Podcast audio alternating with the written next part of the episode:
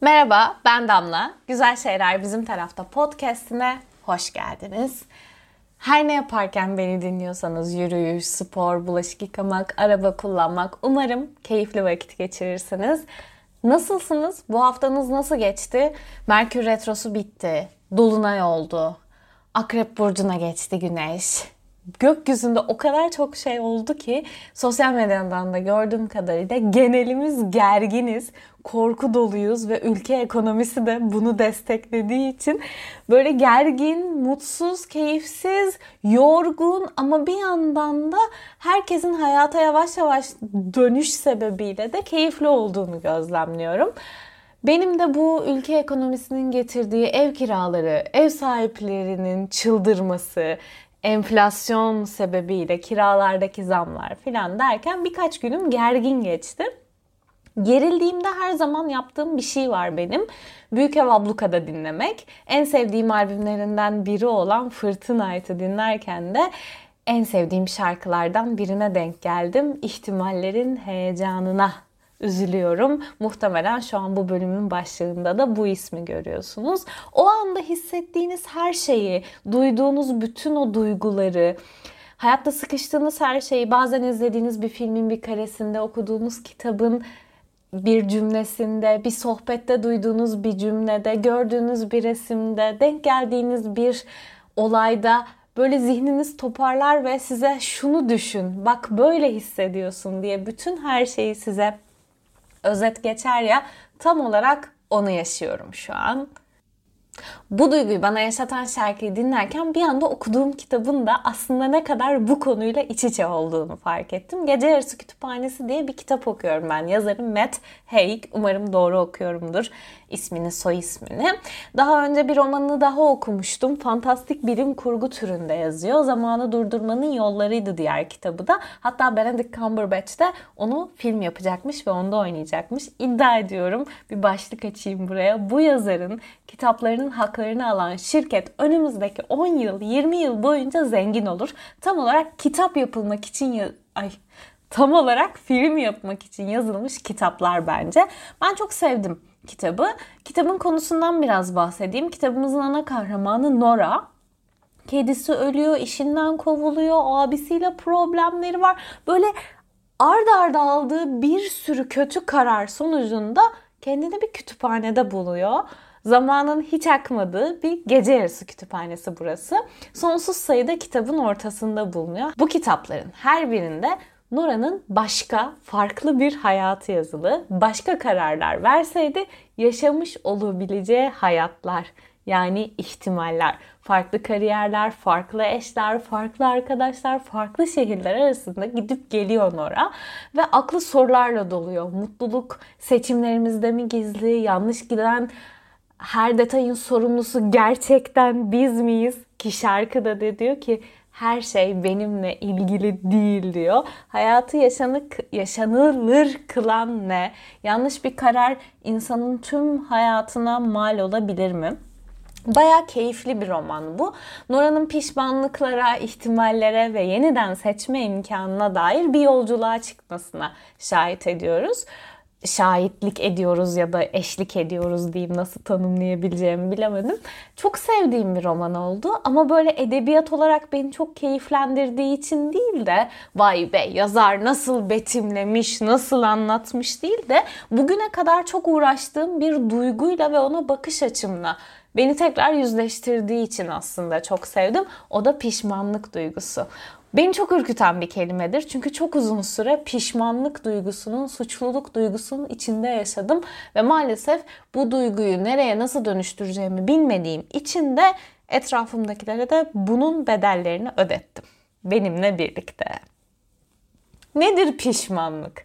Bu ihtimaller denizinin içerisinde aldığımız, almış olabileceğimiz ya da almadığımız bütün kararların aslında sonucunda hissedebileceğimiz bence içimizi yiyen böyle yeşil, kanımızı emen, organlarımızı çürüten bir böcek pişmanlık duygusu. Çünkü sürekli böyle yapmamalıydım, yanlış yaptım, onu seçmemeliydim, onunla evlenmemeliydim, o okula gitmemeliydim, onu yapmadım, şunu yapsaydım, böyle olsaydı, o onu demeseydi, sen bana bunu yaptığına götüren bir böyle gri bulutun içinde yaşatan ve o bulutun içinde insanı yoran bir duygu. Benim bu duyguyla tanışıklığım maalesef Eskişehir'de kimya mühendisliği okumama dayanıyor.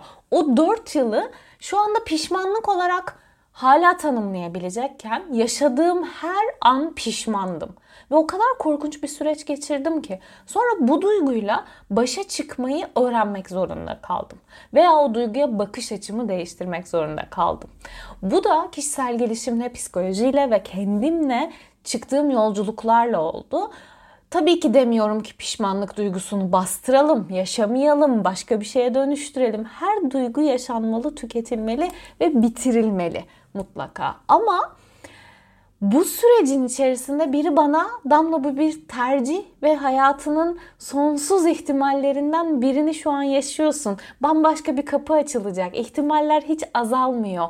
İşte sürekli yaptığın her tercihle bambaşka bir ihtimal denizine gidiyorsun deseydi hayat benim için galiba daha da kolaylaşırdı o zaman. Ama bunu çok tanımlayamıyordum o bilgi, o farkındalığın içerisinde. Bu kitabı okurken de hep şeyi düşündüm. Mesela ben ilkokulda sınıf değiştirdim. Çok meşhur, acımasız, hırsımın sebeplerinden de biri olan şiddet eğilimli bir öğretmenin sınıfına geçtim. Ya o sınıfa geçmeseydim hayatım nasıl olurdu? Bunu merak ettim. Sonra şunu düşündüm ama ben ilk kez sahneye de bu korkunç öğretmenimin sınıfında çıktım. Yani hem dansçı olarak hem tiyatrocu olarak ve ikisi de benim hayatta çok önemli yer kaplıyor. Şu an biri mesleğim. E o öğretmenin sınıfına gitmeseydim bunlarla tanışmayabilirdim. Ama bu kadar hırslı biri de olmayabilirdim. Ya da lise sınavında başka bir okula gitseydim.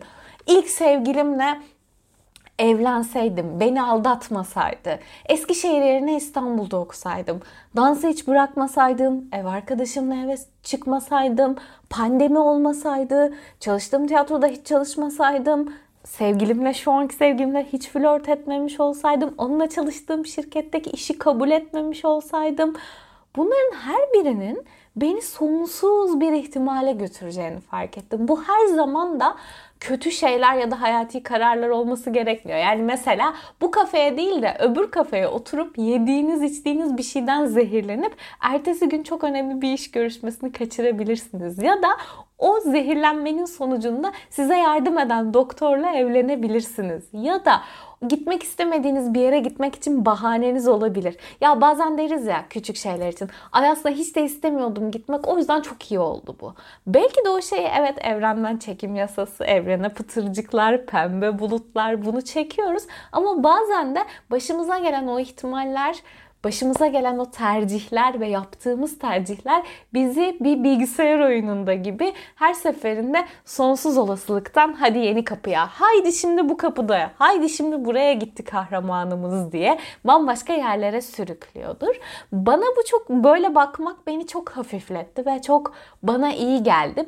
Bu da zaten hem edebiyatın hem de sinemanın çok ilgilendiği bir şey ihtimaller, tercihler, olasılıklar. Aslında bu biraz da beni paralel evrenler konusuna götürüyor. Paralel evrenler teorisini mutlaka duymuşsunuzdur. Duymadıysanız da sizin bir paralel evrende işte Einstein'ın bu teorisi, fiziksel olarak o teoriyi çok doğru anlatamayacağım. Bambaşka bir hayat süren bir versiyonunuz gibi tanımlayabiliriz. Mesela ben zaman zaman söylerim. Başka bir evrende, bir paralel evrende Damla çok iyi bir kimya mühendisi. Başka bir evrende, bir paralel evrende ben şarkıcıyım mesela. Böyle şeyleri düşünmekten çok keyif alırım. Bunun üzerine de yapılmış çok güzel diziler, filmler var. Mesela benim hayatta en sevdiğim tartışmasız milyon kere izleyebileceğim dizi Fringe'tir. İzlemediyseniz mutlaka izleyin paralel evrenler üzerine bir polisiye aslında. Kader çizgisinde aldığınız küçük bir kararın hem sizin hem de etrafınızdaki herkesin hayatını nasıl değiştirebileceğini gösteriyor.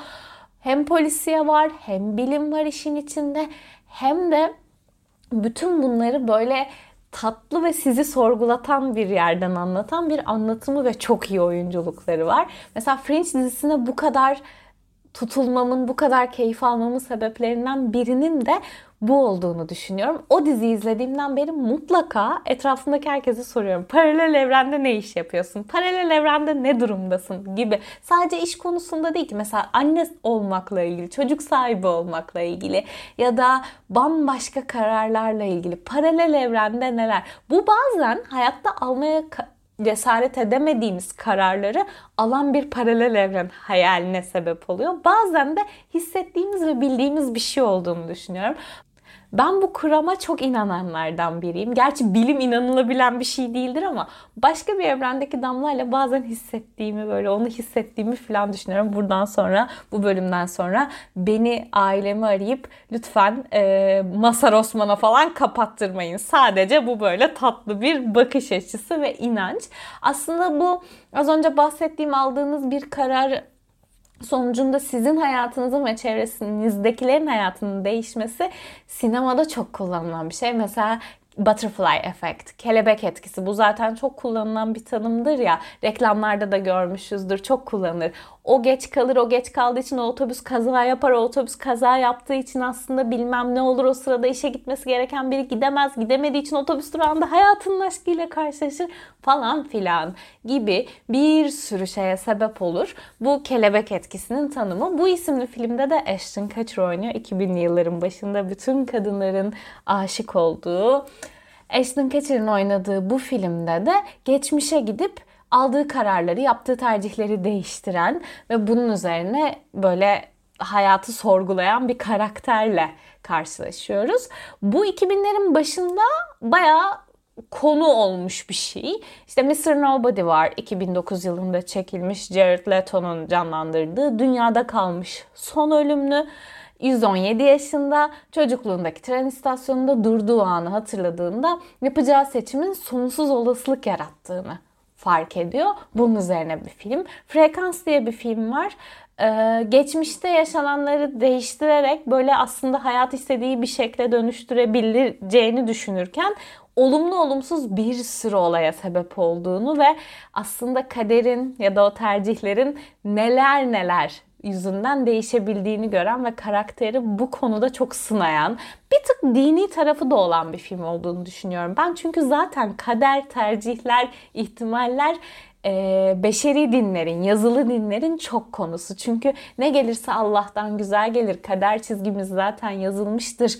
Benim bu konuda biraz kafam karışık açıkçası. Her şey çok belliyse ve ben kaderi seçiyorsam, benim tercihlerim etkiliyorsa aslında hiç mi benim tercihlerim etkilemiyor? Her şey olacağına mı varıyor? Her şeyde bir hayır mı var? Gibi gibi gibi milyonlarca sorun var. Bu konudaki bütün dini kitaplardaki kısımları ard arda okuduğunuzda kafanız daha da karışıyor. Net olarak size onu söyleyebilirim. Tartışmasız bu geçmişe gitmek ve değiştirmek, dönüştürmekle ilgili en ünlü film. Eternal Sunshine of the Spotless Mind. Bu da işte hiç tanışmamış olsaydık nasıl olurdu? Ya da hayatımız neler neler şekillerde devam ederdi. Filmi düşününce heyecanlandım, konuşamadım bir anda. Bu konu hep fantastik, distopik, bilim kurgu türünün konusu olmuş.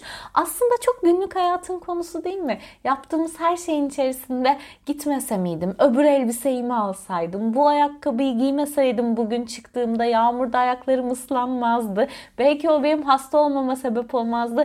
Belki ertesi gün işe daha şöyle gidebilirdim. O olurdu, bu olurdu gibi sonsuz bir ihtimal denizine bizi götürüyor aslında bütün davranışlarımız. Bunların sonucunda pişmanlık, kadercilik, inanç, okey her biri bir sonuç ve bir tercih. Ben çok kaderci biri değilim demin de anlattığım gibi. O yüzden bunları ihtimal olarak algılamayı, sonsuz olasılıklarla bir arada bir oyunda olduğumu düşünmek bana çok iyi geliyor. İhtimallerin heyecanına üzülmüyorum. İhtimallerin heyecanına çok heyecanlanıyorum. Çünkü bütün bu tercihleri ben yapıyorum ve azalmıyor olması çok güzel bir şey. Yani geri kalan 100 tanesi yok olmuyor. Başka 100 tane, başka milyon tane sürekli böyle bir ihtimal tercihler geliyor önümüze. hayatta aldığım bazı kararları çok sorguluyorum. Herkes kadar ve herkes gibi. O yüzden de merak duygusuna yöneltmek bunu bana çok iyi geliyor. Mutsuzluğu seçebilirsiniz. Merak duygusunu, mutluluğu, kaderciliği, bazen kadercilik sükunet getirir hatta. Yine de böyle hmm, bu konuyla ilgiliyseniz, bu konuda kafanız çok karışıksa ben bu filmleri izlemenizi, bu kitapları okumanızı tavsiye ediyorum. İzlemediğim ve okumadığım bu konuyla ilgili kitapları da bana lütfen Instagram'dan Damlaydı olarak beni bulup mesaj atın. Çok sevinirim. Ben bölüm için araştırmalar yaparken yeni filmler, yeni kitaplar da buldum bu konuyla ilgili. Onları da izleyeceğim ve onlardan da mutlaka diğer bölümlerde sizlere bazı konularda bahsedeceğim. Ez cümle şu an hayatta mutsuz olduğun şeylerden birinin hangi seçimin sebebiyle olduğunu bilsen geçmişe gidip onu değiştirir miydin? Muhtemelen çok mutsuzsan, modun çok düşükse buna şu an evet diyorsun. Ama şöyle düşün.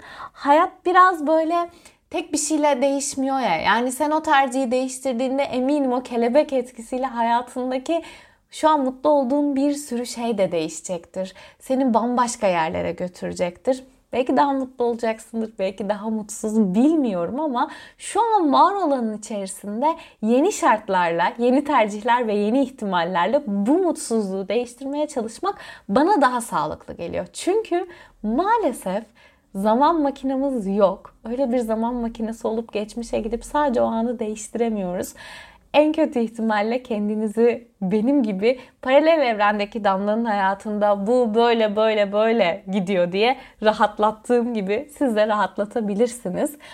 Bütün tercihlerimin sonsuz olasılıklarını kabul etmeyi yavaş yavaş öğreniyorum. Öğrenmek zorundayım. Yoksa ben seçtiği yemek kötü geldiğinde bile 3 gün pişman olabilecek bir tipim. Öyle çok kolay her şeyi kabul edebilen, her şeyi çok rahat, sakince kabul edebilen biri değilim. Çok isterdim öyle olsun. Ama şarkıda da söylediği gibi her şey benimle ilgili değil diyor Büyük Ev Abluka'da.